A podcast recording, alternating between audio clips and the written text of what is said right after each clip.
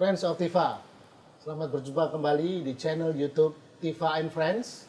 Eh, kali ini kita akan berdiskusi dengan Bung Endi Bayuni. Eh, Bung Endi Bayuni ini adalah wartawan senior, Eh, baru saja pensiun sebagai pemimpin redaksi The Jakarta Post, tapi beliau masih menjabat sebagai redaktur senior di, Ja- di Jakarta Post. Beliau juga eh, tahun ini bergabung dengan Yayasan Tifa sebagai salah satu dewan pengurus. Eh, Bang Endi, kita akan berdiskusi mengenai industri media, khususnya jurnalisme. Kita tahu dengan istilah yang eh, disrupsi di, di, di bagi media media mainstream, media tradisional seperti khususnya media cetak, koran, majalah, dan juga nanti eh, TV dan radio. Jadi eh, sebagai orang yang sampai saat ini masih bekerja di media tradisional, koran di Jakarta Post, bagaimana kira-kira nasib media cetak ini eh, ke depan? Eh, kalau dibilang jor-joran mungkin sih understatement ya, berdarah-darah istilahnya. Eh, karena eh, ya terperangkap dengan kondisi sekarang jumlah pembaca yang semakin berkurang, sebagian ma- masyarakat sudah beralih ke digital, baca dari gadgetnya. Eh, dengan berkurangnya pembaca koran cetak atau majalah cetak, eh, dengan sendirinya iklan pun juga berkurang. Ya, jadi sekarang banyak media cetak yang terperangkap dalam kondisi mereka defisit eh, setiap bulannya. Eh, saya tidak akan kaget kalau tahun 2020 nanti akan ada sejumlah koran yang harus tutup toko karena secara komersil sudah tidak masuk akal lagi. Mungkin ada yang bisa dipertahankan karena ada kepentingan politik, kepentingan bisnis ya. Tapi secara umum eh, bisnis koran itu sudah secara komersil tidak viable lagi. Tapi tentu dalam konteks ini bisnis cetaknya kan, Ya. karena kan koran tetap akan survive di media online, karena sekarang kan platformnya konvergensi, Ya. media cetak dan uh, media online jadi satu. kita semuanya sudah ke online. Ya, jadi kalau dikatakan kita tradisional ya kita keberatan juga. kita udah masih ke online juga. Udah tapi gabungan ya? sudah, udah, udah convergence tadi disebutnya. Eh, tapi kan persoalannya gini, eh, selama ini cetak itu masih menjadi sumber cash cow, ya, sumber sumber dana utama lah. Eh, kalau ini sekarang pun sudah menjadi defisit, sementara versi digital kita itu belum menghasilkan uang, Uh, Jadi pertanyaan terus, oke kita ke digital, tapi bagaimana bisa mempertahankan survival kita di di- digital, sementara itu model bisnis yang yang diterapkan di cetak atau di TV, jadi sirkulasi dan iklan atau dalam hal TV ya audience ya dan iklan itu tidak bisa diterapkan di digital. Digital itu uh, suatu uh, platform yang sama sekali berbeda. Belum ada satupun uh, pengusaha koran termasuk Rupert Murdoch, dari Australia yang menemukan uh, bisnis model yang tepat untuk bisa membiayai dana daripada operasi redaksi. Tadi kan eh, Mas Andi katakan di dua ranah ya ininya Iya. eh, menuju kematiannya Iya. di pelanggan Iya. tidak lagi orang membeli tapi orang mem- membaca konten jurnalistik di, di gadget. Yang kedua pemasukan iklan tidak ada karena tidak ada pembelinya. Iya. Kalau di eh, di platform digital ada peluang untuk untuk memperbesar itu kue iklannya.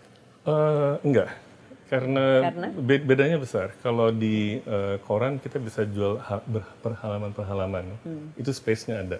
Kalau di online kan kita pakai screen. Dalam screen itu paling kita bisa jual banner di atas bawah, tapi tidak bisa menjual misalnya sekian halaman kepada perusahaan apa perusahaan supermarket misalnya. Kan mereka sering mengambil sekian halaman. Eh, itu tidak bisa karena paling banyak kita bisa menjual banner aja, link. Link itu uangnya nggak banyak. Jadi eh, model bisnis yang meng- apa, mengandalkan iklan di digital itu tidak akan bisa menghasilkan uang yang cukup untuk menutup biaya operasional redaksi.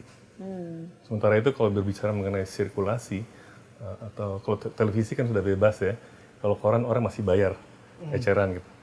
Online ada usaha untuk uh, pakai paywall sehingga orang harus bayar uh, mendaftarkan berlangganan terus bayar. Tapi jumlahnya nggak banyak. Sebagian besar masyarakat uh, dan bisa dimengerti. Kalau ada yang gratis, kenapa harus bayar? Dan pilihan kan banyak di online itu. Ya, dan problemnya kan kalau di dunia digital itu kan apa ada istilah clickbait gitu. Ya. Jadi orang cenderung lebih menikmati hal-hal yang kontroversial, sensasional. Ya. Dan itu bukan tentu saja bukan menjadi ranah jurnalisme serius ya, jurnalisme mainstream seperti Jakarta Post, Ya. Tempo dan lain-lain. Dan eh, ini yang saya khawatir tuh ada eh, vicious cycle ya. Ya. Eh, orang tidak ingin membayar karena kebetulan disuplai juga informasi-informasi Ya. gratis dari apa segala media online yang memang tujuannya untuk clickbait Ya. itu meng- menga- monetize dari Google, dari Facebook dan macam itu.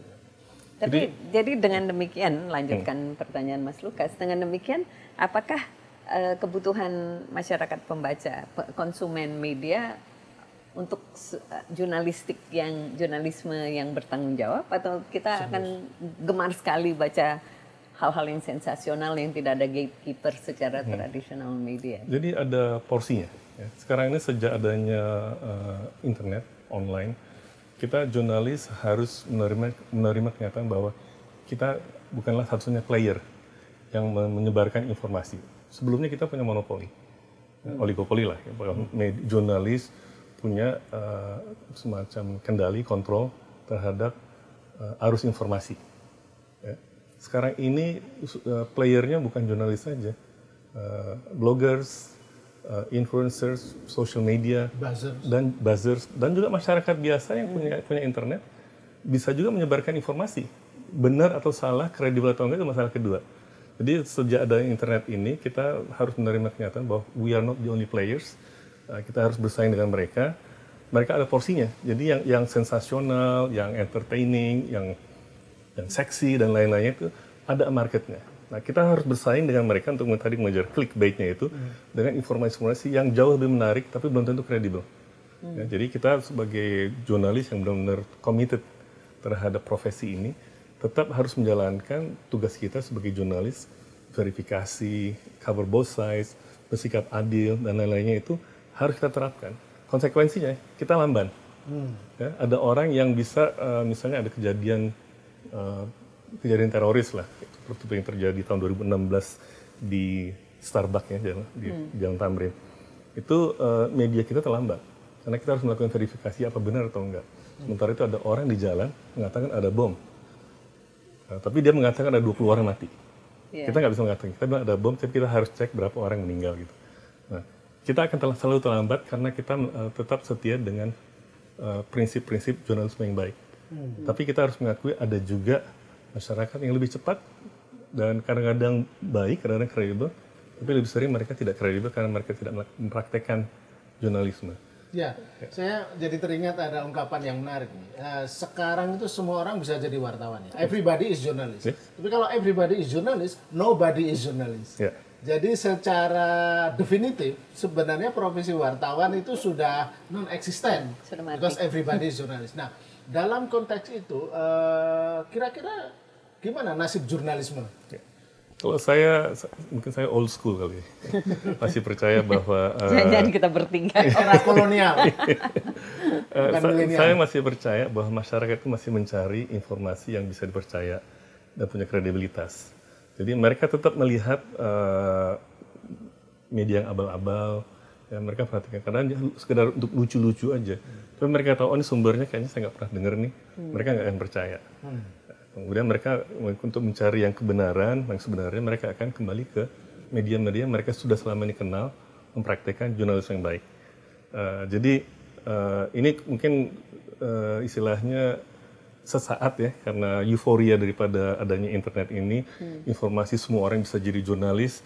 Tapi pada akhirnya masyarakat memerlukan eh, berita informasi yang mereka bisa percaya dan punya kredibilitas dan juga mungkin punya eh, jejak rekam dalam menyeb- menyebarkan eh, informasi yang baik. Meskipun penyajiannya terlambat berapa jam gitu Ya, jadi kalau eh, kita nggak mau mereka yang kita yang mempraktikkan jurnalisme itu tidak mau terjebak dengan kecepatan. Ya, Saya kalau- ingat waktu kejadian bom di Tamrin itu kan tiba-tiba ada cerita ada bom lain, Iya, ada bom lain iya, dan iya. ada di tujuh lokasi. Oh, Padahal masyarakat hoax. kan sangat-sangat panik waktu itu. Dan lalu jurnalisme mainstream lah yang menyelamatkan. Iya. Apalagi waktu ada berita bahwa uh, semua kantor yang di Jalan Tamrin kan dipulangkan, diliburkan. Kemudian ada nih Sleepy, di Cipete, sini ada bom juga loh gitu. Iya. Jadi supaya mereka dipulangkan juga maksudnya. Ya, ironis banget ya sekarang media serius, media mainstream eh, itu menjadi men- menjelang punah oleh informasi-informasi hoax seperti itu. Nah, saya ingin ada pertanyaan nih. Ka- Kira-kira kapan media cetak? Saya tidak ngomong jurnalismenya, tapi Ya. media cetak akan punah. Karena begini, saya teringat tuh tahun 2005, sekitar tahun 2000, Murdoch pernah bilang begini. Menurut perhitungan saya, Murdoch yang bilang begini, "Eh, 15 tahun lagi media cetak yang saya kelola akan mati semua. Karena dari perhitungan terus menurunnya iklan yang masuk. Dan ini sudah tahun 2, jadi eh, sudah 15 tahun dari yang pernah diomongkan Murdoch. Eh, ternyata tidak sepenuhnya benar. Tapi dari dari cerita Mas Endi tadi memang pelan atau pasti media cetak sebagai medium Ya. tetap akan punah kan. Jadi emang ada beberapa kemungkinan uh, koran itu tutup. Ya, tadi Rupert Murdoch mengatakan 15 tahun dari 2005 dari 2020. Mungkin menye- apa, meleset sekitar beberapa tahun kali ya. Tapi gejalanya global sekarang ini, apalagi kita lihat perkembangan 2019 ini, uh, semakin banyak, uh, sebagian besar koran di dunia ini defisit operasionalnya. Jadi uang masuk itu lebih dikit daripada uang yang keluar. Nah, itu secara bisnis tentu tidak akan bisa bertahan. Nah, jadi eh, kalau ditanya kapan akan tutup, saya saya katakan ta- tahun 2020 akan ada beberapa koran tutup Di Indonesia. di Indonesia.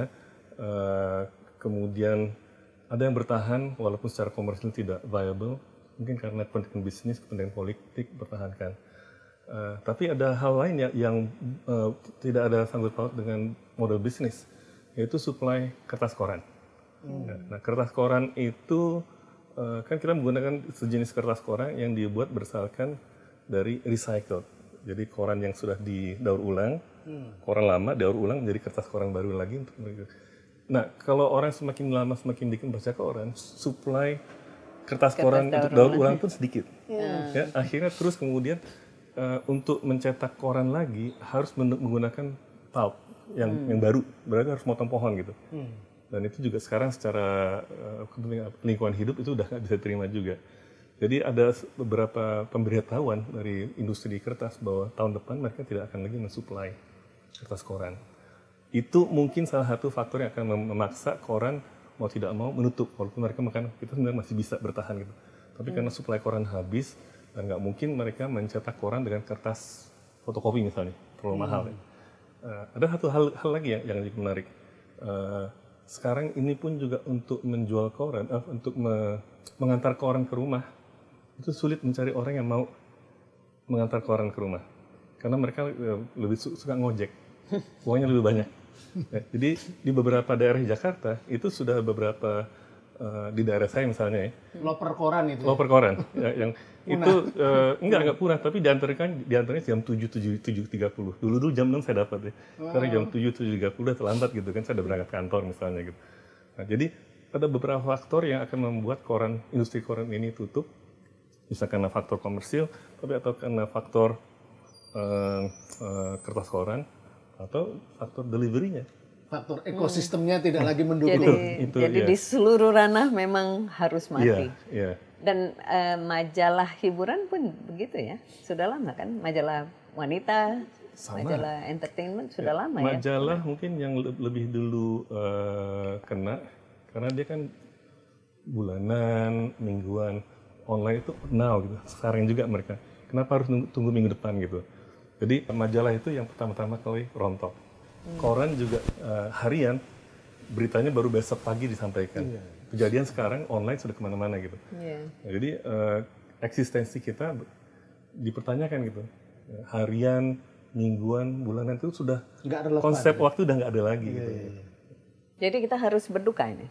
Nggak, nggak. Nggak usah, nggak perlu berduka. nggak perlu. Nggak, nggak perlu berduga. Menurut saya kita harus melawan ini nih. Ada satu bentuk imperialisme. melawan, ya, imperialisme baru. Artinya begini, Mbak. Jadi yang tadi dijelaskan Bung Endi itu menarik ya. Iklan eh, iklan itu belum bisa eh, diandalkan untuk dunia online ternyata. Tapi di sisi lain kita tahu eh, pemain-pemain besar seperti Google, Apple, kemudian Facebook itu kan menyedot semua iklan yang mestinya didistribusikan ke koran-koran itu yang sudah online, tapi tidak bisa karena semua kesedot mereka. Dan mere- mereka menawarkan berita yang bukan mereka produksi. Mereka ambil punya kita kan. Jadi mereka mendapatkan iklannya menggunakan berita yang kita yang kita buat. Mereka tidak punya wartawan, tidak punya redaksi, tidak punya newsroom, tapi mereka bisa menghasilkan uang. Jadi kita nih Secara gratis pula kan. kan gratis. Ya kita dapat uang sih, cuma nggak banyak ya. Setiap akhir bulan, oh Jakarta Post, eh, misalnya Google mengatakan oh sekian sekian, kliknya ya dari Jakarta Iya, Post. sekian, Tapi kita dan pertama kita nggak bisa monitor persis berapa yang klik gitu. Mereka yang tahu datanya. Yang punya alatnya mereka ya. Iya, enggak. kita harus percaya ya terima uang sekian, oke terima kasih gitu. Eh, tapi saya pikir kita nggak harus eh, tadi disebut melawan, mungkin bukan melawan, tapi kita harus me- menyesuaikan diri, ya, menyesuaikan diri, Eh, harus mencari model bisnis yang berbeda dengan apa yang, yang sudah ada sekarang. Ada beberapa inisiatif, misalnya eh, koran eh, dipertahankan, tapi tidak menghasilkan uang, tapi didukung oleh eh, usaha-usaha lain yang menghasilkan uang untuk bisa mempertahankan keberadaan media online ini. Gitu. Jadi event organizer.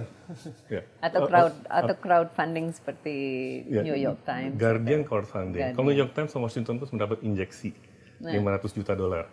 Ya, tapi kita eh, ya kelihatannya bagus di 2-3 tahun pertama ini, tapi sustainability-nya sempat lima tahun untuk dipertanyakan.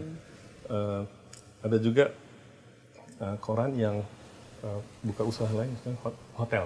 Ya, kita nggak usah sebut namanya.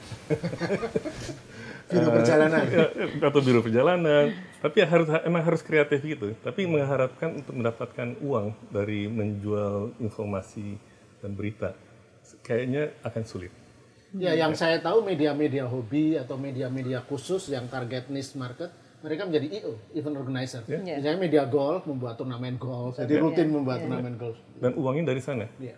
Nah, ini si kondisi ini juga akan berdampak kepada me- media mainstream yang namanya TV dan radio, menurut Mas Andi. TV dan radio su- sudah kena juga Sudah kena Ya, kan? sudah kena juga karena sekarang ya alternatifnya kan ada Ya, eh, ada YouTube Oke, kita. Eh, di YouTube. Eh, jadi banyak berita-berita yang eh, yang bisa diakses nggak harus dari televisi gitu. Online sekarang tuh hampir semuanya termasuk eh, TV channel di Indonesia mereka punya online juga karena mereka tahu inilah masa depannya. Jadi TV pun nanti pada saatnya juga akan akan tutup karena masyarakat sudah semakin kurang menonton TV karena mereka mendapat ya dari Netflix, berita dan lain semuanya di gadgetnya gitu. Hmm. Dan bisa on demand kan kalau On demand, real time, on demand segala macam yang uh, and anywhere ya, nggak harus ke rumah dulu mau nonton TV, bisa lagi di mobil, bisa di kantor. dan radio gimana dalam kondisi ini? Radio saya melihat uh, ini radio menarik karena radio itu adalah medium pertama yang sebelum ada koran, sebelum ada TV dan dia bisa reinvent itself. Ya, berkali-kali waktu masuk uh, koran mereka bisa reinvent tetap relevan. TV reinvent tetap relevan. Sekarang online sudah ada juga. Uh, saya lihat mereka uh, akhirnya mengarah bukan ke massa tapi ke komunitas. Kalau Radio radio lebih setahu saya ke medium podcast itu, sekarang lagi populer di mana? Ya, podcast juga podcasting. Bung Ade, eh, mungkin ini yang terakhir, eh, selain nanti saya ingin tanya kira-kira apa yang bisa dimainkan Tifa, tapi sebelum itu eh, sebagai jurnalis nih, yang kita diskusikan 20 menit ini kan eh, lebih pada mediumnya kan, Ya. Eh, koran, eh, kertas. Tapi kan sebagai jurnalis, em, Bung Andi yakin eh, jurnalisme akan bertahan? Dan apa yang membuat faktor bertahan? Saya sampaikan pada teman-teman jurnalis muda bahwa profesi kita ini profesi yang mulia dan diperlukan oleh masyarakat dan akan tetap bertahan eh, sepanjang masa. Umur saya ngatakan itu karena umur saya 60, 62. saya nggak bisa janji.